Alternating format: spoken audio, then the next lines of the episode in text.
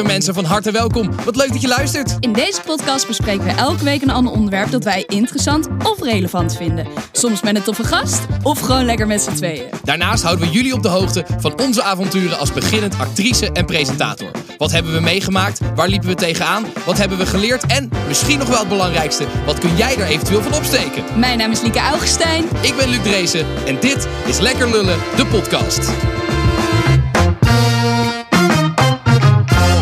Hallo. Yes. Welkom. weer. Wat goed, wat gezellig. Ja. Heb je er zin in? Ja, ik, ik ben heel erg benieuwd. Ik denk eh, dat ik veel ga leren vandaag. Ja, we zijn niet alleen vandaag. Nee. We hebben een gast voor de, voor de hoeveelste keer is dit? Denk vier. Vierde keer. Ja. Dames en heren, mag ik een groot applaus voor Marcel Bamberg. Dat is het grootste applaus wat we tegenwoordig krijgen. Ja, Twee toch? mensen. ja, er is helemaal niemand die voor ons applaudisseert tegenwoordig. Nou, beter maar iets dan ehm, ja, de luisteraars die eh, al langer luisteren, die kunnen Marcel op, op zich al kennen. Eh, ik heb al een paar keer over je verteld namelijk. Eh, wij hebben namelijk de afgelopen maand ongeveer samen een eh, programma gemaakt. Of programma, dat is misschien een beetje een heel groot woord ervoor. Maar eh, leuke filmpjes gemaakt, laat ik het dan zo zeggen. Eh, onder de naam Politiek Spelletjes. Absoluut, zeker. Ja. Ja. Dus, eh, maar voor de mensen die jou dan nog niet kennen, en ik heb ook niet heel veel over je verteld. Wie ben jij? Wat doe jij? Wat, eh, hoe ben sta jij Marcel. het leven? En eh, ik maak programma's en ik bedenk programma's en ik presenteer programma's. En eh, dat is heel breed. Dus wat jij nu zegt, dat is een onderdeel ervan. En ik presenteer eh, bijvoorbeeld debatten nu de verkiezingen zijn. En ik interview mensen één op één voor podcasts of voor videoseries. Ja, je hebt het wel eens over branded content. Daar maak ik me ook wel eens schuldig aan, wil ik zeggen. ik doe wel eens commercials, voice-overs. Ehm, dus het is heel breed. En ik probeer altijd wel dingen te doen waar ik zelf eh, van denk... oh, dit is super belangrijk om aan het voetlicht te brengen. Ja, Dus daar vonden wij elkaar zeker op politieke ja, ja, ja. spelletjes. ja. Eh, maar dat kan ook sport zijn. Of, eh, nou, ik heb ooit een tatoeage op mijn arm gezet... omdat ik vond dat er meer aandacht moest komen voor kinderarmoede. Eh, Oh, wow. Dat soort Wat, dingen wat vind voor ik... tatoeage wat, ja, was dat wat dan? voor? Dat is het, eh, het is een breuk. Ja, Het klinkt gelijk heel raar omdat je het over een arm hebt... maar het is 1 op 9. Omdat één op de negen Omdat 1 op de kinderen... 9 kinderen opgroeit in armoede. Oh, Ja. wauw. Nou, dat is dan onderdeel van een serietje Ja. geweest... omdat ik daar aandacht voor wilde vragen. Tof, heel, Heel tof. tof. Ja. En, en, en waar kom je vandaan? Wat heb je gestudeerd? En hoe ben je zeg maar in dit vak beland? Eh, ik heb heel lang gestudeerd. Oké, wat is lang? Ja, zo lang dat op een gegeven moment Duo zei... ik weet niet waar jij mee bezig bent, maar je kunt niet nog meer lenen. Nee, oh shit. Toen kwam echt het besefmoment. Oké, eh, ik heb eerst rechten afgerond als bachelor. En toen heb ik nog meerdere masters En dat is hoeveel gedaan. jaar? Ja, officieel is het geloof ik drie jaar. Oké. Officieel, Ja. officieel is het drie jaar. Maar, Maar Hoe lang heb jij erover gedaan? Volgens mij heb ik het in eh, vier jaar afgerond of zo. Oh. Vijf jaar, zoiets. Ik weet dit niet eens meer. Maar dat is ook de reden waarom ik dit ben gaan doen. Ik ben gaan ondernemen. eh, niet omdat ik dat zelf heel graag wilde. Maar wel omdat ik in mijn tweede studiejaar... ja. eh, voor het eerst eens een keer op een podium werd gezet. En mensen zeiden, zou je dit aan elkaar willen praten? En zo werd je wat meer teruggevraagd. Ging je video's presenteren, dat soort dingetjes. ja. Gewoon er een beetje ingerold. Ingerold. Ja. Maar wat, je- wat jij meer doet, namelijk dan wat ik in ieder geval doe. Jij doet meer live dingen. Hè? Dus meer, eh, nou vroeger dan in het theater, dat is nu niet echt heel, heel erg Ja. meer sprake van. Maar dus meer inderdaad gespreksleiding, eh, debatten leiden, eh, live evenementen presenteren. ja. Wat vind je het leukste? Eh, ik vind het eigenlijk het leukste als je het publiek kunt zien. Ja? En het, het leukste vind ik als ik iemand wat langer eh, mag interviewen over eh, eh, nou, gewoon vette anekdotes. Dus het was, eh, deze week was het Internationale Vrouwendag. Ik heb ooit op Internationale Vrouwendag wat ministers mogen interviewen, vrouwen. En die vertellen dan over verhalen hoe ze dan in Japan eh, onderhandelingen hadden in een karaokebar. Eh, dat het daar dan uiteindelijk lukte. Terwijl ze zaten twee dagen met elkaar te vergaderen. Werkte niet, werkte niet, werkte niet. Ja. Karaokebar in. Duizend Ja, dat liedjes. is Eentje was in een ding. En dat was Mariah Carey. En het was, eh, eh, wat is het? All, all, All I Want for for Christmas. Het was. Hartje Zomer. En daar staat dan de VVD, vicepremier, dat Oh. te zingen. En een minuut later was alles beslecht, zeg maar. Dat, dat vind ik een hele leuke gesprekken om te voeren. Ja, En je hebt geen studie gedaan voor het, dit, zeg maar. Nee, ik heb wel een, een halfjaartje TV Academy gedaan. Of een Oh, jaartje ja. TV Academy. En dat vond ik heel erg eh, leerzaam. Want je leert gewoon in één dag per week alles. Van achter de camera tot voor de camera. Ja. Presentatiewerk, alles. Dat vond ik heel cool. Daarom kan ik nu editen. En daarom kan ik nu beter begrijpen wat ik doe. Ja. Maar dit is niet echt... Ja, daar hebben jullie het ook ja al eens nee, eerder dat, over gehad. dat- Het het is inderdaad school niet, je zo. kan niet echt een school ervoor doen. Maar het is wel, denk ik, je hebt je natuurlijk een hè, juridische achtergrond. Je hebt wel de, de dingen die jij vaak doet, hebben wel wat meer inhoud richting politiek of iets, eh, in ieder geval iets in die richting. Waardoor Ja. je er natuurlijk wel wat aan je studie hebt, laat ik het zo zeggen. Ja, zeker. Ik denk dat de, wat het altijd is, is humor en, eh, en politiek of zo. Of humor en iets serieus combineren. Ja. Zoiets. Ja, want de afgelopen, het afgelopen jaar, doordat jij natuurlijk normaal altijd veel live evenementen deed, ben je nu eigenlijk eh, heel veel filmpjes gemaakt Ja. op Instagram die erg geestig zijn. Eh, mocht je dat niet gezien hebben, dames en heren, ga voor vooral even filmpjes? kijken. Ja, jij hebt het dus ook niet gezien. Ja, het is, Nee. het is echt heel goed. Een soort van videofucks eigenlijk. Heel- Anders kan ik het niet omschrijven. Ja, ik zorg dat ik in situaties ben waar ik niet ben geweest. Dus eh Thierry Baudet zit ergens op een bank en ik ga met hem in gesprek. Hij zegt allerlei dingen Oh joh. en dan... Zeg maar, je, je pakt gewoon een, interview of iets dergelijks en een soort van de antwoorden knip je op en dan doe je dat soort van nieuwe vragen bij bijvoorbeeld. Ja, Ja, het, is erg, het is erg geestig. Dat is wel, maar daar heb je ook een paar echt goede virals mee gescoord de laatste tijd. ja eh, soms ben je er heel blij mee en soms eh, minder. Waarom minder dan? Nou, ja. Nou, ik was er altijd wel blij mee. Maar sommige dingen gaan dan zo hard waarvan ik denk... Ja, dat was een heel klein onschuldig grapje. En andere dingen werk je echt een week aan en dat doet dan helemaal niks. Ja, Ja, oké. Dat kan soms jammer Je had zijn. toch ook Ja. één keer dat je, een, eh, dat je de, de, de beste, beste zangers eh, item had gemaakt. En dat letterlijk een, dezelfde dag Bram Krikke er ook was eentje postte. zuur, ja. ja. Dus wat ik veel doe is voor een greenscreen staan. Mhm. En dan mezelf eh, ergens in editen. Nou, Bram Krikke kan het ook heel goed. Calvin doet veel van die dingen. Ja. Ehm, en er zijn er nog wel een paar die het ook goed kunnen. En letterlijk op de dag dat ik eh, in eh, de beste zangers zat, zeg maar, met mijn Mhm. filmpje, gooide Bram Krikke dat filmpje ook online. Had hij Nee. precies dezelfde joke. Ja, het was, Nee. maar het was ook dezelfde aflevering volgens mij. Het was echt zeg maar. Ja, hij had in ieder geval stukjes van dezelfde aflevering. Het was Heb je hem hetzelfde toen nog weekend. gepost? Of? Ja, nou, ik heb toen gewoon op Instagram een, een polletje gedaan. Moet ik hem online gooien? Want ik had zelf wel zoiets van, ja, dit is heel slap. Nu denkt iedereen dat, ik hem na- aan het ja. nadoen ben. En toen kreeg ik een berichtje van Bram zelf. Ja, natuurlijk eh, moet je Ja. hem online gooien. Dus toen heb ik het gedaan en toen voelde ik me gesterkt. Dan ga Ja. dan maar gewoon door. Maar het kan natuurlijk altijd een keer voorkomen dat je iets maakt wat op bestaat. Of Nou ja, sterker nog, ik denk dat bijna alles wat je maakt is al wel een keer gedaan. Ja, zeker. Zeker. Ik zie wel eens op TikTok... Ja, ik weet, jullie hebben het veel over TikTok gehad. Dus ik vind het echt een fantastische app. Ja, we hebben het er veel over, maar we heb doen er ik heb allebei niks helemaal mee. niks mee gedaan met TikTok. TikTok krijgt echt zeker een uur van mijn tijd elke dag. Ja? Ja, en daar zie ik zoveel jokes voorbij komen waarvan ik dan denk... ja, maar dat heeft Master Movies in 1990 al een keer gedaan. ja, ja, ja, ja. Ja. Dat is ook wel een beetje dat natuurlijk de kinderen die dat nu gaan maken, die hebben dat allemaal niet gezien. Dus Nee, maar die- dat is dan een ja. Canadese man, dus dat kan helemaal niet. Maar ja, dat- ja, ja, ja. s- soms zijn goede grappen gewoon al een keer gemaakt. Ja, een grappig accent doet het eigenlijk altijd wel goed, toch? Ja, hey, jongens, eh, ik heb eh, jou niet voor niks uitgenodigd natuurlijk. Nee, we gaan ik, het, ik we- zie we de ukulele liggen. Ja, ik heb een liedje geschreven. ja, het is me gelukt. Yes. Eh, of nou ja, het, het is me gelukt. Ik weet niet hoe overdreven ik dat moet zeggen. Eh, maar ik heb mijn best gedaan om iets te schrijven. Dus ik ga hem er eventjes eh, even bij pakken. Oh yeah, ik heb er heel veel zin Ja, in. Het enige is dus, ik kan nog steeds geen, eh, geen ukulele spelen. Ehm, ik kan wel een paar akkoorden spelen. Als in, ik kan bijvoorbeeld dit- dit akkoord, dit is het A-akkoord. Ah, ah. ja, precies. Ehm, en ik kan, kan deze, dat is volgens mij G of G mineur. Geen mineur. G mineur is dit. Ja, Ja, maar goed, dit is eh, echt dus- maar ik kan ook, maar ik kan ook niet zeg maar g- g- dingen na elkaar spelen. Dus ik kan nog niet. en dat is majeur hoor, want mineur klinkt altijd heel verdrietig. Was dit majeur? Oh wel, dan ja, dan gaat het al. Alsof ik er een verstand heb van ukuleles of gitaar of akkoorden. Ik wist überhaupt dat die woorden bestonden niet. Nee, dus ik ga Ja. weer hetzelfde doen als vorige keer. Maar ik heb in ieder geval wel een liedje geschreven. Ehm, en ja, ik gok dat jullie al wel weten waar het over gaat, aangezien ik Marcel heb uitgenodigd. Maar toch ga ik hem even zingen, ja? Woensdag mag de stier los met een rood potlood in plaats van vlag. Maar waar ga je op stemmen op deze mooie lentedag? Wordt het VVD of Forum? Zet je je kruis bij SGP? Of is Jesse je Messias? Voel je meer voor de SP? Gaat een vrouw het dit keer winnen? Wordt het Ploemen of toch Kaag? Of wordt het één van al die jonkies? Dat is de grote vraag. Nou, waar Ja. gaan we het over hebben? Oh, ik zou het niet weten hoor. Heel goed. Goed Ik vind je nog gedaan, best Luc. toonvast. Nou ja, ik kan, ik kan een beetje zingen wel. Dat Ja. is op zich, eh, scheelt dat. Ik, kan, ik zing niet vals soort van. Dat is nog, Ik wel. Tenminste, misschien was dit hartstikke vals, weet ik eigenlijk niet. Ehm, nee, ja jongens, we gaan het hebben over de verkiezingen. Want woensdag is het zover. Ja, Weten jullie al wat je gaat stemmen? ja, Ja? Ja? ja. Weet jij het al? Ja, als ik heel eerlijk ben, nee. Nee? Nee. Ik weet het ook Nee. al wel. Waar zit, zit jij nog te twijfelen tussen verschillende Ja, ik zit partijen? nog wat te twijfelen. Ik heb altijd Partij van de Arbeid gestemd, ben ook lid. En eh, deze keer wilde ik heel graag Partij voor de Dieren stemmen.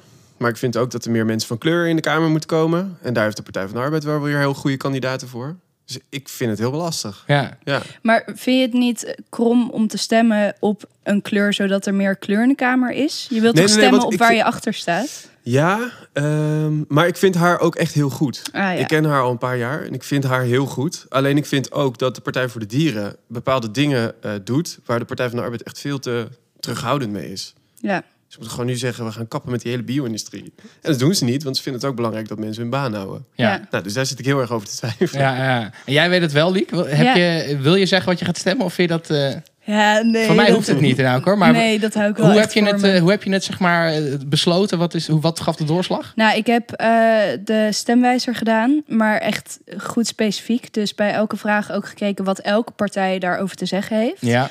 Ehm, en ja, eigenlijk is het iets waar ik altijd al op stem.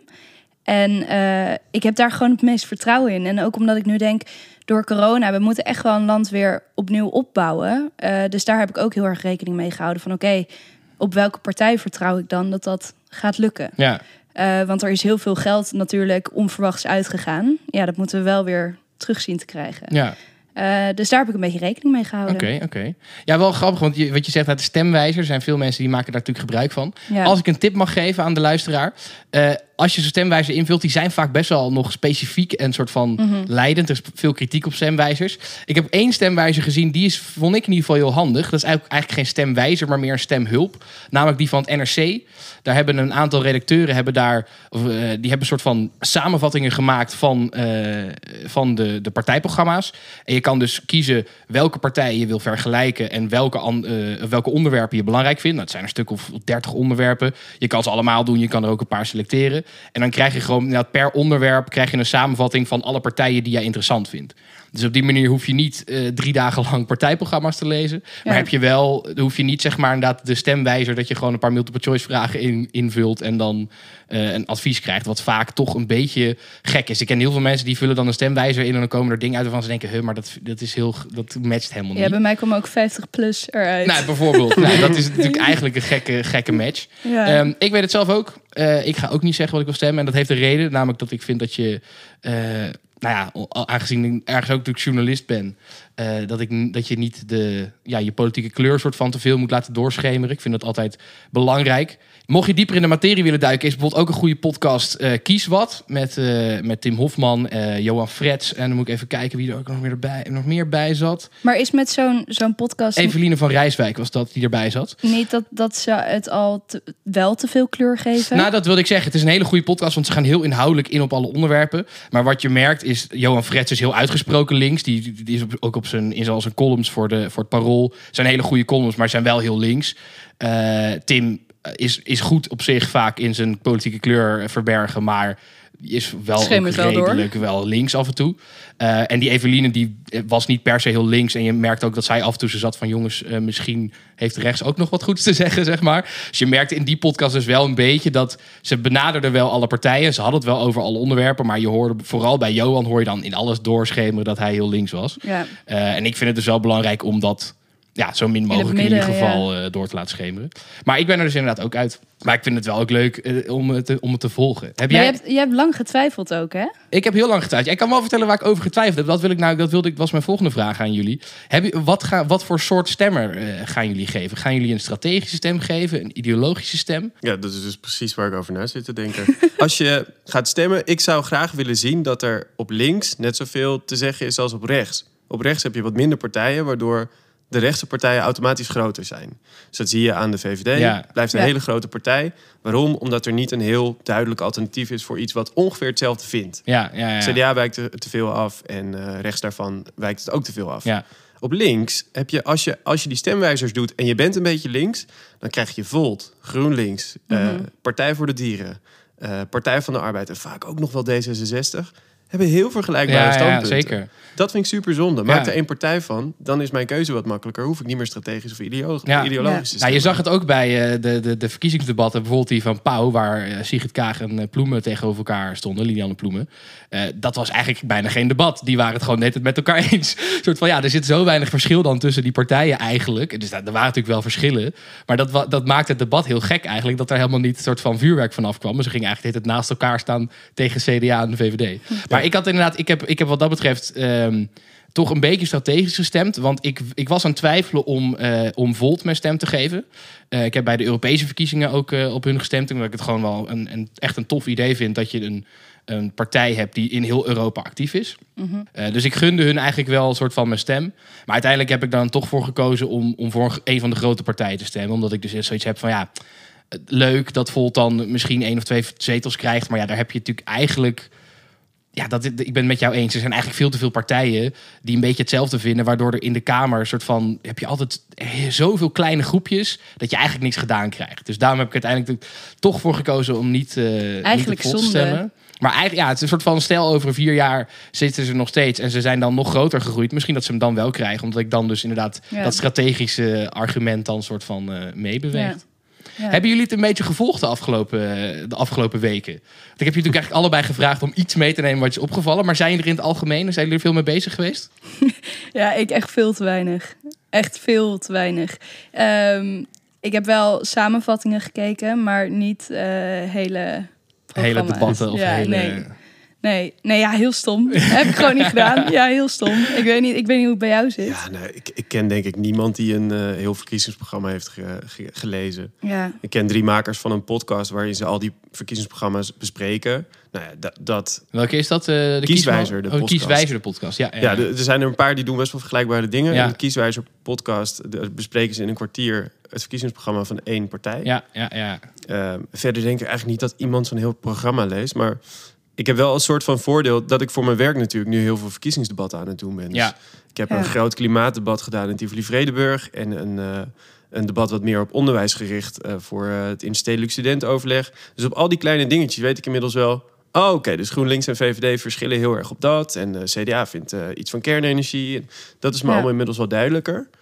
Maar het heel erg op de voet volgen. Ik heb het idee dat deze verkiezingen echt meer dan ooit er superveel content wordt gemaakt. ja, ik vind het gewoon altijd lastig rondom de verkiezingen. Alle partijen zeggen waar, eh, dingen waarvan ze weten dat er een grote groep achter ze staat. Snap je wat ik bedoel? Dus Ja. ze zeggen wat je wil horen. Nou ja, bijvoorbeeld waar we het vorige keer al over hadden. Geert Wilders die zegt dat hij Zwarte Piet in de Ka- Tweede Ja. Kamer wil hebben. Een soort van, dat weet je dat hij dat gaat zeggen omdat Ja. zijn mensen dat fantastisch Omdat, vinden. ja, omdat de mensen die op hem stemmen dat dus Ja. nice vinden of zo.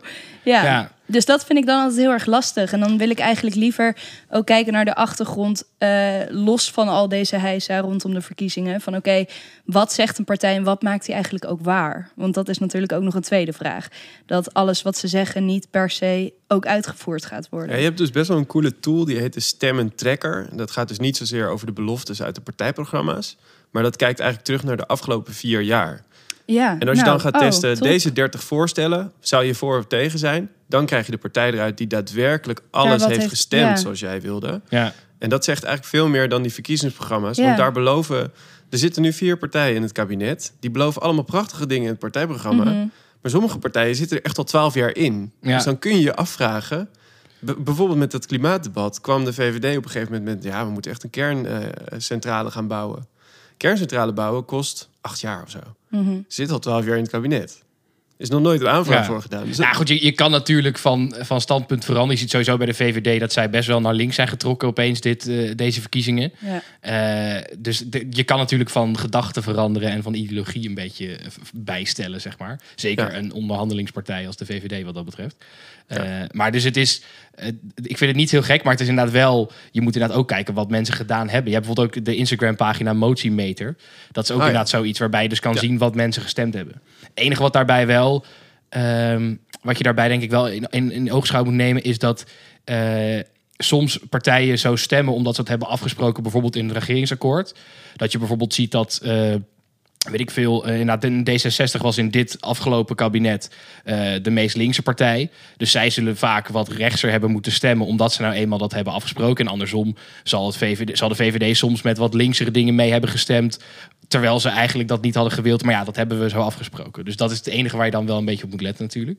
Eh, maar dat is inderdaad wel een goede om daar rekening mee te houden. Ja. Maar jongens, ik heb jullie gevraagd om iets mee te nemen. Ik heb zelf natuurlijk ook wat, wat meegenomen. Wat je is opgevallen de afgelopen tijd. Waarvan je echt dacht, nou, dat vond ik echt wel opvallend. Dat wil ik met jullie delen. Zal ik bij jou beginnen, Liek? Ja, Oké, oké, dan begin ik bij jou, Marcel. Wat is jou opgevallen in, in, in de, de verkiezingen tot nu toe? Ja, ik, ik eh, zat lekker te twitteren en toen kwam er iets voorbij. En dat was eh, eh, van een, eh, een bekende van me die zei... dit moet je echt lezen. Als je iets gaat lezen vandaag, moet je dit lezen. En het, eh, het heette Misogynie als eh, wapen des doods. Nou, een hele heftige titel. Volgens mij Een vrij sterke titel ja. En ik wist ook even niet wat dat betekende. Maar het ging erover dat vrouwenhaat in de politiek wordt gebruikt... als manier om vrouwen uit de politiek te houden. Ja, Dat vond ik heel heftig, maar dat is een heel lang uitgebreid stuk. Wat ze ook hebben voorgelezen, dus je kunt ook als podcast luisteren. Van de Groene Amsterdammer. Waaruit blijkt 10% van de vrouwelijke politici. Nee, alle vrouwelijke politici. Daarvan krijgen ze eh 10% van alle tweets waarin ze worden gementiond. Zijn haatdragend of bedreigend. ja, Dus het gaat fucking ver. Dus 10% van alles wat je krijgt bevat expliciete haat of, of bedreigingen. ja. Eh, want alles wat er niet heel zwaar in staat, dat hebben ze al uitgefilterd. Alles waar ze niet in gementioned zijn, hebben ze er al uitgefilterd. Dat is heel veel. Ja, En dat is het gemiddelde. ja, Dus Sigrid Kaag bijvoorbeeld, ja, die krijgt 22% van alle dingen die ze krijgt naar zich toe. ja. Dan heb je dus echt, Echt. over duizenden tweets. Sick. Haat, Ja. bedreigingen. Ja, ik heb, dit, dit, dit is me ook opgevallen als in Sigrid Kaag, die, die maakt daar ook echt wel een, een, een punt van, zeg maar. Als in, in haar, eh, bijna al haar verschijningen in tv-programma's, noem maar op, gaat het hier inderdaad ook over. Zij maakt zich ook echt hard van, eh, of tegen eigenlijk, van ja, dit kan gewoon niet. En stiekem gebruikt ze het dus eigenlijk ook een, wel een beetje als een soort van campagne-tool. Hè, van, kijk, ik krijg heel veel haat, maar ik sta er wel. Wat natuurlijk heel goed is, maar dat is natuurlijk als je het even analyseert. Maar ik vond dat ook echt, echt, echt heel heftig om te zien. Want er was inderdaad, Sigrid Kaag stond bovenaan als het ging om gewoon het totaal aantal. Ja, En eh, er was nog één iemand, eh, ik weet even niet hoe ze heet, een, bui- een buitenlandse achternaam. ja Kautar Bouchalit is eh, Ja, zij, kandidaat ja. Kamerlid voor, ehm, voor GroenLinks, nummer 9. En Die had- zij stond relatief bovenaan. Ja. Dus zij had relatief, had ze, geloof ik, één op de drie tweets die, zij ontving waren haatdragend. Dat is toch en, niet eh, normaal? ja. Ja, en Dat ik vond het, het punt inderdaad, wat, wat, wat inderdaad, wat Kaag ook inderdaad vaak daarover maakt. Van ja, het is inderdaad, doordat je als, eh, als jongere eh, vrouw dat dan ziet, dat word je inderdaad wel ontmoedigd om de politiek in te gaan. Dus ik snap wel hoe jij die, die titel inderdaad uitlegt. Ja. Dat is, ja, ik kan me dat wel voorstellen. Nou, maar hoe werden- zit dat dan bij mannen in de politiek? Nou, de- ze hebben dus onderzocht, nu met name wat het, wat het bij vrouwen doet. En ook onderzocht dat wanneer een vrouw wordt geïn- eh, geïnterviewd, dus bijvoorbeeld een, een vrouwelijk kandidaat eh, premier, dat dan heel vaak de, de eh, termen man worden genoemd. En wat doet het met een vrouw en hoe is het thuis en dat soort dingetjes. Terwijl Ja. bij, mannen vind gaat vind het je over... echtgenoot dit wel goed, zeg maar? Ja, terwijl Ja, bij ja. mannelijke interviews gaat het vaak over begroting en plannen en beleid. Zeg maar. Dat zijn dan de, de buzzwords. Ik, ik denk dat het in het stuk wel staat hoor. Maar ik, ik weet niet hoe, hoe zij precies kijken naar, naar hoe mannen dit, eh, eh, dit krijgen. Ik denk sowieso als politicus moet je Ja. een dikke huid hebben. Want je Zo. krijgt veel haat. Ja, wel echt. Dat is, eh, Maar vooral de Twitter. nummer 9 van, van een lijst, die dan toevallig een vrouw is. En er- ja, omdat ze Kouter Bouchelikt heet en een, eh, een achtergrond heeft die niet Nederlands is, wordt die haat alleen maar meer. Zeg Ja, maar. ja, ja. She does tick a, a few boxes, zeg maar. ja. Is staat ook in nog dat GroenLinks, stuk- dus dat is natuurlijk ook nog eh, voor veel de twitter Ja, zeker. is dat ook nog een ding. Maar er staat dus in dat stuk dat op het hoogtepunt kreeg zij eh, op een dag eh, iedere drie minuten een tweet waarin ze werd bedreigd. Tering, Een dag lang. Kom op, Het- dat dat is toch ziek. bizar? En er zijn dus ook verschillende mensen die in dat stuk aan het woord komen, kandidaat-Kamerleden, die zeggen: Ja, we hebben niet zoveel vrouwen op de lijst. Of we hadden echt moeite met jonge vrouwen op de lijst krijgen. Omdat heel veel jonge vrouwen zeggen: Ja, ik zie hoe dat gaat. Doe maar niet. Ik hoef Ja. het niet. Dat Ja, vind dat, ik super vind ik, slecht. dat vind ik echt kwalijk wel, ja. En daarom stem ik dus altijd op een vrouw, omdat ik weet dat dit soort shit daarachter ja. zit. Nou, en wat dat betreft zijn deze eh, verkiezingen dan dus wel historisch. Want voor het eerst zijn er vijf lijsttrekkers een vrouw. Eh, en ook van wat grotere partijen. Dus Hoeveel de- waren dat vorige keer? Vorige keer uit mijn hoofd waren het er twee. Nee, vorige, Oh, ik keer, dacht vorige keer was er maar één. en die keer ja. daarvoor waren het er twee. Dus het is inderdaad... eh, ja, dus het, het is, het is heel weinig altijd. En dus nu vijf. Maar ja, er doen 37 partijen mee uit mijn hoofd. Nou, daarvan zijn er dus maar vijf die een vrouw als leider hebben. Maar goed, alsnog, het is ook wel dus een positieve ontwikkeling... dat er zoveel vrouwen meedoen. En wat me dus opvalt, is dat het er ook echt veel over gaat. Zeg maar, er is veel aandacht voor die vrouwen. Ze, ze, ze worden ook echt voor mijn gevoel serieus genomen in de gesprekken die ze hebben. Ja. Wat ik een grappig, grappig moment vond eh, bij op één na het debat met Kaag en, en Ploemen. Toen zei de presentator, er, er zat een. eh, God, heet hij ook alweer? Ik weet niet, Sophie Hilbrand en die daar altijd naast Hugo, zit. Hugo Lochtenberg. Kijk, dat ja. Dit, daarom vind ik het fijn dat hij erbij is. Eh, maar die, die zei op een gegeven moment, omdat het, het was dus een heel braaf debat... waarin ze continu zeg maar, naast elkaar gingen staan... en de, de overeenkomsten opzochten. En toen stelde hij, stelde hij dus de vraag van... joh, ehm, eh, is dat terecht? Weet je? Komt dat, eh, komt dat doordat het vrouwen... of nee, dat terecht is niet het goede woord... maar komt dat doordat het vrouwen zijn misschien? En toen kreeg je gelijk een soort van in de zaal een beetje... eh, dat allemaal mensen zeiden, ja, kan je, niet, nou? kan je niet maken. Dat is, hoe vraag je dat? En het grappige was, er zat één ehm, oud-Kamerlid van de PvdA, volgens mij. Die ook nu als lijstduur op plek 50 stond. Ik ben even de naam vergeten. Ja? Maar die zat erbij en die reageerde toen van... hé hey jongens, doe eens even heel snel normaal. Natuurlijk komt het doordat het vrouwen zijn. Wat is het voor onzin dat, het altijd, dat je die vraag niet zou mogen stellen? Ja. Natuurlijk, vrouwen zijn gewoon beter in elkaar ook eh, de, de, de, gelijkenissen opzoeken. En dat is hartstikke goed dat ze dat doen. En natuurlijk is dat, komt dat doordat het vrouwen zijn. Dus die was soort van... wees ook weer de rest een beetje terecht van... ja jongens, natuurlijk mag je die vragen wel stellen... van komt Ja. dit doordat het twee vrouwen zijn? Eh, maar dan moet je ook het antwoord erbij geven... dat dat ook inderdaad zo is... en dat dat alleen maar een goed ding is, zeg maar. Maar ik vond het wel grappig dat dus... De, omdat er dus zoveel aandacht voor is, dat hij ook to- nadat hij het had gezegd, als er zat van, oeh, mag ik dat wel vragen eigenlijk? Maar in deze huidige. Het valt mij aan de campagne van Kaag op dat het heel veel gaat over, over dat ze een vrouw is, bijvoorbeeld. Ja, En eh, ze was bij Jan-Willem Roodbeen in de ochtendshow op Radio 2.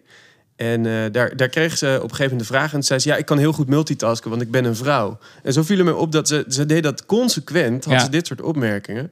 Terwijl ik zelf pas heel erg op met dat soort stereotyperingen. Want als je het onderzoek erop naleest, niemand kan multitasken. Want er zijn Nee. onze hersenen heel slecht in. Dat is een soort van stereotypering die we hebben bedacht als mensheid. Moet je vanaf. Het viel me heel erg op dat ze daar dus wel consequent mee doorgaat. ja nou, ze deed het ook in het debat met, eh, met Rutte bij Jinek. Dat was ook een heel braaf debat waarin ze eigenlijk allebei.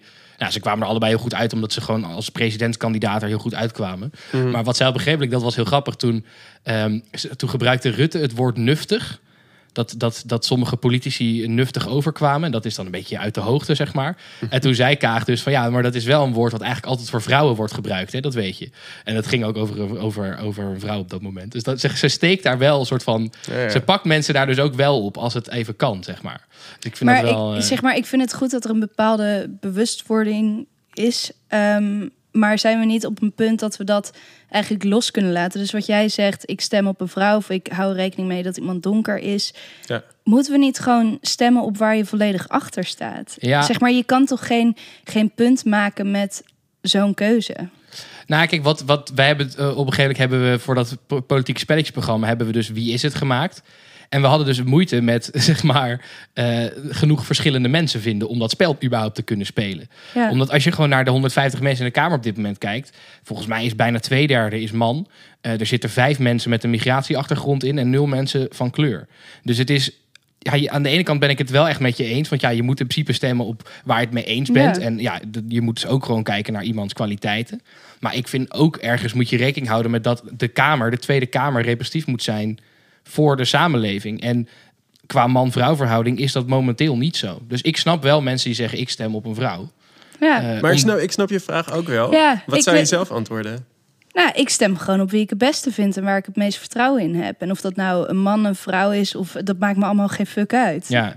Maar ik, ik, ik wil er gewoon achter staan. ja, maar het- het- uiteindelijk wat jij zegt is natuurlijk ook waar je naartoe wil. Ja. Maar als je nu dus inderdaad kijkt, het is nu dus een, een, een record dat er vijf vrouwelijke lijsttrekkers zijn. Nou, dat is natuurlijk nog helemaal niks vergeleken met de 37 partijen die meedoen. Nee. Ja, dus de ideologische stem zal, zal dan inderdaad zeggen: ja, ik vind dat het er meer moeten zijn, dus stem ik op een vrouw. Maar ik ben het helemaal met je eens. In de ide- ideale situatie zou je alleen maar stemmen op degene die je echt het aller, allerbest vindt. Ja, nee, ja, dat viel me gewoon op in dit gesprek. Want ik heb zelf nooit op die manier nagedacht, Ja. eigenlijk.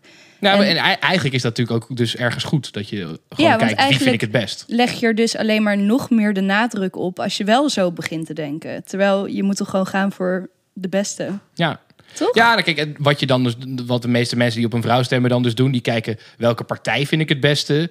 En dan kies ik de eerste vrouw die ik daar zie. Ja, het is ook wel iets om over na te denken. Maar ja, wat ik zei, ik heb er zelf nooit op die manier Ja. naar En gekeken. dat moet ook helemaal niet. Dat is ook absoluut niet. nee, maar het is eh, wel ja, goed toch? om mee te nemen. Maar ik vind, ja, er zit dus ook wel een kanttekening aan in mijn hoofd. Ja. maar dan ga je er dus vanuit dat dan die vrouw dan dat dat, dat, dat niet, niet, per se de beste kandidaat is inderdaad. Of ja, nou, dat nee, zou daar ga ik niet van uit. Maar door er dus rekening mee te houden of het een vrouw is of een donker iemand, leg je eigenlijk al of zet je al vast dat je dus niet per se voor de beste gaat, maar voor Ja, precies. Dan zou, je, Ja. dan zou het zo Plaatje. kunnen zijn dat je iemand overslaat die, eigenlijk, Ja, die, die- je eigenlijk ja. beter vindt. En dat je Ja. dan, ja, nee, klopt. En dat, en dat ja. vind ik eigenlijk heel krom. ja. Ja. Ja, kijk, er zijn veel partijen die zetten eh, man, vrouw, man, vrouw, man, vrouw op de lijst. Maar er zijn ook partijen die doen het helemaal niet. Die kijken gewoon, ik wil dit eh, nu op de lijst hebben. Toevallig zijn het acht mannen en twee vrouwen. Zul je veel zien als je het zo over, eraan overlaat. En datzelfde zie je met kleur. En het lastige is dat de, de top 5, top 10 zeg maar, plekken... zijn vaak mensen die al eerder in de Kamer hebben gezeten... of al hoog op de lijst hebben gestaan. Dus dat houdt zichzelf op die manier ook wel een Ja. beetje in stand. Dus als ik nu... eh, nou ja, toevallig vind ik één iemand heel goed. Dus die wil ik ook heel graag erin hebben. Het, eh, nou, het wordt een beetje spannend of ze het gaat halen of niet. Maar mocht ze daar goed uitkomen, dan is de kans dat ze volgende keer wat hoger komt. En dat mensen denken, oh, ik moet gewoon de beste hebben. Toevallig staat ze op drie, zal wel goed zijn. Wordt dan ook weer groter, zeg maar. Bijna een soort algoritme in de lijst. ja, precies. Het is bijna, ja, inderdaad. Nou, maar goed, eh, eh, eh, hè, we hebben natuurlijk gezegd over de lijsttrekkers, maar bijvoorbeeld bij de VVD staan nu ook zes van de top 10 zijn vrouwen. Dus het is, de- er zijn, Ja. bij veel partijen is het ook, man-vrouw is daar ook best wel goed eh, vertegenwoordigd hoor op dit moment. Dus wat Ja. dat betreft zou je ook kunnen doen wat jij doet. Dat is helemaal, helemaal legit, denk Ja. ik. Ja. Hey Liek, eh, wat was jou eh, opgevallen? Nou, dit was mij opgevallen. dat, dat, in dit gesprek eigenlijk vooral. Dat, dat jullie dus heel anders kijken naar waar stem ik op Ja. dan hoe ik dat Ja, eigenlijk is een beetje de, de, de strategische. Want dat is, ik heb het bijvoorbeeld ook een, een discussie laatst met iemand gehad over hè, de, de links-rechts discussie. En of je dus strategisch moet stemmen. Ja. Ehm, en dan was bijvoorbeeld, ging het erover dat iemand eigenlijk in het midden uit wilde komen. Dus nou, als je dan gaat kijken welke partij moet je hebben, dan zou je bijvoorbeeld bij D66 uitkomen. Maar die zei dan nee, maar ik ga op eh, GroenLinks stemmen. Oh, dit was trouwens, dit was ook, gebeurde ook tijdens opnames van dat programma wat wij maakten. Ja. Er was ook iemand die dat zei. Ja, maar dan ga ik dus op GroenLinks stemmen. Want ik ga ervan uit dat rechts eh, groot wordt. Dus moet ik ook heel groot op links stemmen. Ja. Want dan, ja, dus er Oh. zijn heel veel mensen. Dat is inderdaad een beetje de ideologische versus de strategische Ja. stem. En ik ben zelf niet altijd fan van de strategische stem. Zeker in dat links-rechts verhaal. Want dat zorgt eigenlijk voor nog meer polarisatie. Want als iedereen zo gaat stemmen, dan, Ja, dan ga je dus het- alleen maar knijter rechts en knijter links stemmen. En dan wordt het alleen maar lastiger om bij elkaar te komen, denk ik dan. Maar er zijn mensen die dat, die dat doen. En er, er valt wel wat voor te zeggen natuurlijk. Ja, dat is ook zeker Ja. zo. Wat mij Ja. was opgevallen, jongens. Ik eh, heb ook natuurlijk even wat meegenomen. Ik heb meegenomen dat het me opviel dat het eigenlijk ehm, heel erg leeft onder jongeren, deze verkiezingen. Ik merkte Mhm. Goed, hè? voor, vier jaar geleden al, merkte ik, eh, toen had eh, Tim Hofman dat programma, dat hij met die hele bus, de stembus, het- Stembus, het, het land, oh ja. ra- land rondging. Eh, toen leefde het al meer dan normaal. En nu merk ik het al helemaal. Je hebt heel veel ehm, Instagram-pagina's. Ik noemde net, net al even die motiemeter. Eh, maar je hebt bijvoorbeeld ook eh, partijprogramma's in posts. Eh, eentje die ik zelf wat tof vond is Represent Jezelf. Ehm, ik, het is ook, je moet hem niet te serieus nemen, want ze, ze gaan wel heel ver. Het is een pagina waar soort van politiek wordt uitgelegd in straattaal. Wat op zich, ja, het, ze gaan, het, het gaat wel heel ver daarin door, zeg maar. Het is ook een beetje een grap wat dat betreft. Maar het is wel ook serieus met het idee van, ja, er zijn heel veel jongeren die niet stemmen, omdat ze gewoon en het niet interessant vinden en er niks van snappen en zichzelf ook niet gerepresent, daar komt die naam dan vandaan, zien eh, in de Kamer. Eh, dus ik vind het wel tof dat dat nu gebeurt. En ik zie gewoon heel veel jongeren, ja, die, eh, die er echt actief mee bezig zijn. Ja. En ook de, de, in de kandidaten. Hè, dat in de NOS maakt een, een YouTube-programma dat heet Rondje Binnenhof. Daar hadden ze een, eh, ook een, een rubriekje dat heet Haagse Nieuwe.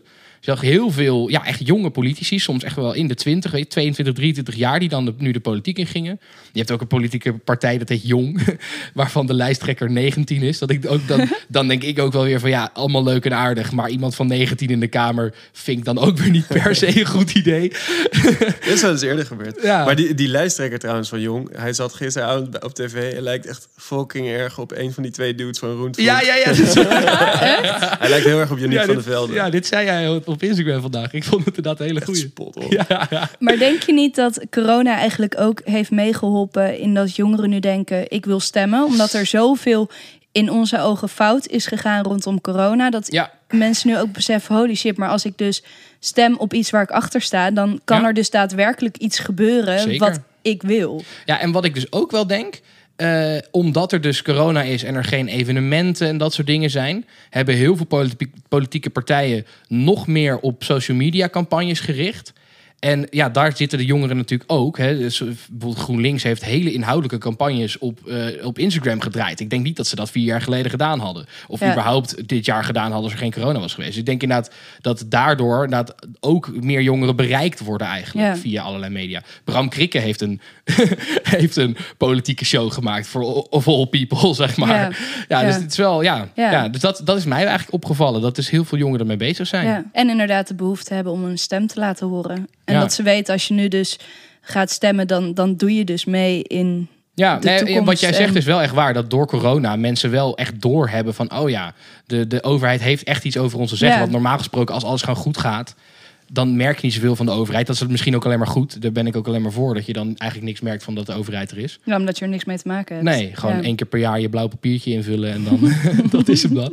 Maar een soort van, inderdaad, je merkt dan op zo'n moment als het echt fout gaat, dan merk je opeens hoe erg die overheid eigenlijk Ja. over jouw leven gaat. Ja, dat mensen gewoon beseffen van, oh shit, ik kan gewoon een verschil maken. Als ik maar gewoon opsta nu. Ja. Wat, eh, ik, ik wilde eigenlijk afsluiten met een, met een kleine voorspelling. Ik heb eventjes de, de, Oh, de oh, meest recente peiling van Ipsos 2-0. erbij gepakt. 2-0. ja, en Dirk Kuyt scoort eh, de, de winnen in de derde Een minuut. soort Dat is toto. Eh, maar ik heb even de laatste peiling erbij gepakt. Even kijken. Hou, hou je vast, hou je vast. Oké. VVD staat op 39 zetels, PVV op 21, CDA op 17, D66 op 14, GroenLinks op 12, SP op 10, PvdA op 11, de ChristenUnie op 6, P- PVDD, Partij van de Dieren op 6, 50PLUS op 2, SGP op 3, Denk op 2, Forum voor Democratie op 4, Ja 21 op 2 en Volt op 1 zetel. Wat denken wij dat er uit deze verkiezingen gaat komen? Dit, Dit. dit klinkt wel geloofwaardig. Ja. Nee, maar, eh, maar, ook, oké, maar dus ook even iets verder dan alleen, eh, alleen de, de, de uitslag. Wat wordt onze volgende regering, denk je? Ik denk eh, veel links, denk ik. Ja, je merkt sowieso al bij de rechtse partijen dat die een beetje naar links aan het schuiven zijn. Ja, ja. Ik denk ook dat die het niet zo erg zullen vinden deze keer om iets linkser samen te gaan werken. Nee, ja, ik, ik denk eigenlijk dat er veel links gaat komen. En eh, dat ze eigenlijk een groot verschil willen maken in milieu en, en hoe we dat nu allemaal aanpakken. En dat er bijvoorbeeld dingen komen als inderdaad eh hoge btw op vlees. En zeg maar dat die veranderingen gaan plaatsvinden. Ja. Dat, maar denk je dat ik. ze het gaan redden zonder bijvoorbeeld de VVD? Want die staan natuurlijk wel gewoon weer rond de, rond de 40 Nee, zetels. maar die gaat er sowieso in zitten. Ja, toch? Ja, 100%. Ik denk inderdaad niet dat het gaat lukken om daar omheen te gaan. Nee, tuurlijk niet. Nee. Wat, wat, wat, wat, zou jij, wat, wat zou jij hopen, om het zo maar even te zeggen? Wat zou jij een mooie coalitie vinden? Oh, wat zou ik hopen? Ik zou hopen dat een van de linkse partijen gewoon alle anderen opvreet. Want wat je nu krijgt is dat je heel veel partijtjes van tien zetels krijgt. Of vijf, Oh zes, ja, dus jij zetels. hebt eigenlijk wel bij wijze van spreken GroenLinks alle stemmen van PvdA en, Zou- eh, en zou- de SP erbij krijgt. zeg Ja, maar. zou ik, zou ik toffer vinden dan dat je straks allemaal hele kleine fracties hebt. Want dan, dan krijg je dus de situatie, we kunnen niet om de VVD heen. Dus de rest moet er allemaal een beetje bijgezocht worden. Ja. Je zou ook kunnen zeggen, nou, we hebben twee, drie hele grote partijen. En die gaan onderling maar kijken welke Ja. het beste bij elkaar passen. Dat is eigenlijk sowieso de trend. dat gaat niet gebeuren. Ja, nee, precies. Maar dat is sowieso de trend waar ik, wat ik net ook al zei. Ik ben er helemaal geen fan van, van al die kleine kutpartijen. die Kutpartijen is niet waar, maar gewoon dat, Ja. dat er zoveel partijtjes zijn. Daarmee ga je uiteindelijk geen, eh geen spijkers met kop slaan. Maar wetende wat er nu in de peilingen gebeurt, denk ik eerlijk gezegd dat het huidige kabinet gewoon kan blijven zitten. Want volgens mij staan ze in de laatste peilingen op ongeveer 75 zetels. Ja, dat is een beetje krap, want als er eentje eruit gekukeld wordt, ja. dan heb je geen meerderheid meer. Maar volgens mij kunnen partijen van de. eh, ja, dus je zou nog kunnen kiezen om de ChristenUnie te wippen en dan de Partij van de Arbeid eh, toe te voegen aan D66, VVD, CDA. Maar ik weet dat de leider van de Partij van de Arbeid al wel heeft gezegd dat ze dat eigenlijk niet wil. ja, die hebben natuurlijk van eh, acht jaar geleden geleerd. Ja, Of vier jaar geleden. volgens mij zei ze letterlijk: ik wil alleen maar eh, premier worden als we het kabinet eh, ingaan en anders doen we het niet of zo. Of- Ja, ze Alleen hebben, maar ze met hebben ook echt wel. Ze, zeg maar, de PvdA heeft, ze best wel, heeft best wel hard campagne gevoerd. Met, ze zeiden volgens mij ook. eh, als het minimumloon niet naar 14 euro gaat, dan doen wij niet mee. Dus ze hebben daar best wel al hard op gezegd. Terwijl ja, de kans is best aanwezig dat als je inderdaad in de regering wil komen, Ja. dat dat niet helemaal naar 14 gaat, zeg maar. Nee, Dus het is, ja, En ze zitten ideologisch natuurlijk best wel ver uit elkaar. Dan krijg je een soort van vier partijen over het hele spectrum. Zou ik, ja. zou ik opvallend vinden. Dus Aan de andere kant zou ik het wel ook ergens een beetje gek vinden als zeg maar, de huidige coalitie dan doorgaat, aangezien die net zijn afgetreden. Ja, zou het ook wel weer ja. een beetje raar zijn als die dan. Want ik, het zou mij mooi lijken als je inderdaad een, een, een, kleine verschuiving wat naar links hebt, waarbij je dus de VVD wel hebt, maar dat dat een beetje wat meer uitgebalanceerd wordt, dat bijvoorbeeld D66 en GroenLinks eh, elkaar wel bij de, bij de formatie vast zouden kunnen houden. En dat je dan inderdaad bijvoorbeeld dan de, de ChristenUnie er, eruit laat vallen. Ja. Ehm, dat zou ik best een... eh, Maar ik denk ook wel dat eh, zo'n VVD nu ook wel nodig is. Omdat als je te veel op links gaat zitten, wat ik al eerder zei, we moeten gewoon even nu het land redden door deze crisis eigenlijk die we hebben. En als je alleen maar op links gaat zitten, dan denk ik dat we daar iets te snel overheen gaan. Ja, ja, dat, ja, dat, dat is, ja, er zijn verschillende theorieën over. Er zijn ook mensen die inderdaad dus zeggen... ja, je moet juist nu gewoon volledig investeren in die hele staatsschuld. Laat het maar even lopen. Zeg maar ja, het zijn Ja. altijd verschillende kijken daarop. Maar ik denk de VVD, daar, kun je, daar kunnen we gewoon niet omheen. Nee. Wat eigenlijk er zijn natuurlijk ook mensen is. die zetten een muts op in de zomer. Nee, maar ik denk de VVD wordt sowieso fucking groot. Ja. Dus, Ja. niet- eigenlijk natuurlijk, het- blijft, altijd, het blijft iets geks. En ik vind het sowieso fascinerend bij de VVD. Eigenlijk is het ook niet zo heel gek eigenlijk. Hé, we, we hebben het ook wel eens over gehad dat toen inderdaad de VVD en de PvdA samen hadden geregeerd. Nou, die hebben allebei compromissen moeten sluiten. Want ja, zo werkt dat nou eenmaal als je met twee hele verschillende partijen samen in een regering gaat. Ja. En de PvdA is er keihard op afgerekend. Ja. En de VVD, ja, dat is toch een beetje het verschil tussen linkse en rechtse mensen. Ook want linkse mensen zijn vaak toch wat ideologischer. En he- die vinden het ook erger als je daar dus iets doet wat dan daar niet mee strookt. Terwijl bij de VVD denken ze, ja, weet je, nou oké, we moesten wel 100 rijden. Maar je hebt het ook voor elkaar gekregen dat eh, dit goed is gegaan. Dus ja, prima, weet je wel. Ja, dat is zo. Maar ik denk dat die verkiezingen ook bij uitstek eentje was... waarbij heel veel mensen dachten... ik wil een hele grote linkse partij. Eh, en dat ze eigenlijk meer bij GroenLinks zaten... of meer bij D66. Ja, en dan maar strategisch gingen stemmen. Ja, En dan, eh, dan gaan ze regeren met de VVD. En dan denken ze ineens... "Huh, maar ik wil de gro- een grote linkse partij. Niet, eh, niet een kabinet met, de- met de VVD. ja precies. dus daar ja, gaat het dan ja, mis. ja. Bij, bij de VVD heb je volgens mij heel veel stemmers die gewoon denken... ik vind Mark Rutte een hele goede premier. Ja. Die moet blijven. Punt. Dat is me ook opgevallen trouwens, dat Mark ook echt heel veel moeite heeft met het, het, het scheiden van de, de lijsttrekker en de premier. Want hij heeft natuurlijk, dat, daar is al veel over gezegd, dat hij natuurlijk dat wandje, hij heeft gewoon maar, letterlijk de persconferentiewand gekopieerd in al zijn teamsmeetings van de VVD, waardoor, waardoor je soort van, het, het beeld blijft gewoon overeind. Maar het is toch gewoon dezelfde man? Ja, is ook zo. Maar dat is dus wel. Je zag het ook bij, eh, bij dat debat inderdaad bij Jinek. Daar ging het soort van vloeiend over van coronabestrijding naar eh, plan voor het herstel van Nederland. Een soort van. Dat zijn echt twee verschillende mannen eigenlijk. In, tenminste, dat zou het moeten zijn. Maar ja, het gaat zo vloeiend over dat hij profiteert daar zo hard van. Dat is wel echt inderdaad. Ja. ja.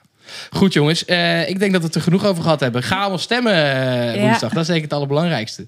Dan hebben we nog één ding te doen, Liek. En ik ben heel, heel benieuwd of je dit jaar, dit jaar, deze week wel meegenomen hebt. Zeker, tuurlijk. gelukkig. Tuurlijk, ik zou dat toch nooit vergeten. Nee, je hebt het ook echt niet net opgezocht, nee, toch? Nee. nee, Ik ben goed voorbereid hierheen gekomen. Nee, Vertel, het van de week. lulletje van de week. Ehm, ik weet dan niet precies wie ik aan moet kijken. Maar je hebt eh, een, een Zeeuws krantje. ehm, en daarin maakt de ChristenUnie reclame met eh, Jan-Henk Verburg en Gert-Jan Segers. Ja, En die zijn allebei kaal. En dan staat er gewoon bij Zeker. van zorg voor elkaar een economie waarin mensen centraal staan, bla bla bla, kiezen voor schepping. bla. Ehm, en dan daaronder staat een advertentie. Het is zo kut. Met haarverlies en beginnende kaalheid. Win zelfvertrouwen met een van onze haarwerken. dus dan onder die twee kale mensen wordt reclame gemaakt voor kaalheid en doe er wat aan. Ehm, oh goed. Ja, Voor een dus- pruikenwinkel. ja, ja, kapsalon Gary. Oh wat goed. Kapsalon hou Ja. Nou, dat is toch wel een, een redacteur of editor Ja. geweest die dat heeft. maar zou of dat of het is niet een lulletje en hij heeft het gewoon een hele goede grap. Hij heeft gewoon heel veel humor. Ja, want dit kan wel dus viral gaan omdat het zo grappig is. Dat, ja. Dus dan maak je automatisch meer Oh, reclame voor beide. zijn. Dan Ja, is het geen lulletje. Dan is het dat is goede marketing eigenlijk. maar voor nu is het het lulletje. Want nou, het is ook gewoon lullig naar die twee mannen. Weet je, anders sta je kou in de krant en dan daaronder wordt er reclame gemaakt voor, voor eh, Nou, we hadden- we het net al over de, de, de dikke huid van politici. Ik denk niet dat Gert-Jan Seger zich nog erg, Nee. erg druk maakt Die over zal zich er niet zijn druk kale maken. hoofd. eh. Nee, maar ik zal dit eh, even op de Insta posten. Dat andere mensen die hier naar luisteren het ook even Oh, kunnen ja, dat zien. vind ik een hele goeie. Wat ik bedoel. Ja, Heel goed. hey, eh, Marcel, dankjewel ja dat je er was. thanks. Ik vond het heel leuk. voor al je zo. kennis en wijsheid. Ja, Ik zweef nog steeds. Ja, ja. ja, succes met kiezen. Je hebt nog, wat is het, drie dagen op dit moment Ja. als, dit, als dit online komt. Ja, dat wordt spannend. Ja, Ja. Goed, eh, dames en heren, bedankt voor het luisteren. Voordat we afsluiten, Liek. Ja. Wij gaan zo meteen insmeren. Heb je al een date geregeld? Ik heb zeker een date geregeld. Ja. In het park? Nee, nee, ja, het regende. En Oh, er was gewoon, ik ben wel echt gaan wandelen, maar er was gewoon niemand. En ik was even op het Amstelveld, maar die werd na een half uur leeggeveegd door de politie. Eh, dus dat wilde hij niet eigenlijk niet. Nee. Ehm, dus gewoon via de app. En, Via de app. Ja, Wat leuk. Dus, je, dus jij hebt een date. Wanneer heb je de date? zo meteen. Zo meteen. Ja, Kijk. Waar, wat, waar ga je heen? Wat ga je daten? Wandelen. Wandelen. Ja, Oh, ik hoop met heel wat veel origineel, bier. hè? Ja. Ja, leuk Ja. toch? ja, dus eh, ik ga het doen. Nou, heel veel plezier. Ja, thanks. Ehm, nogmaals bedankt voor het luisteren en eh, tot volgende week. Tot volgende week, jongens. Joe. De ballen.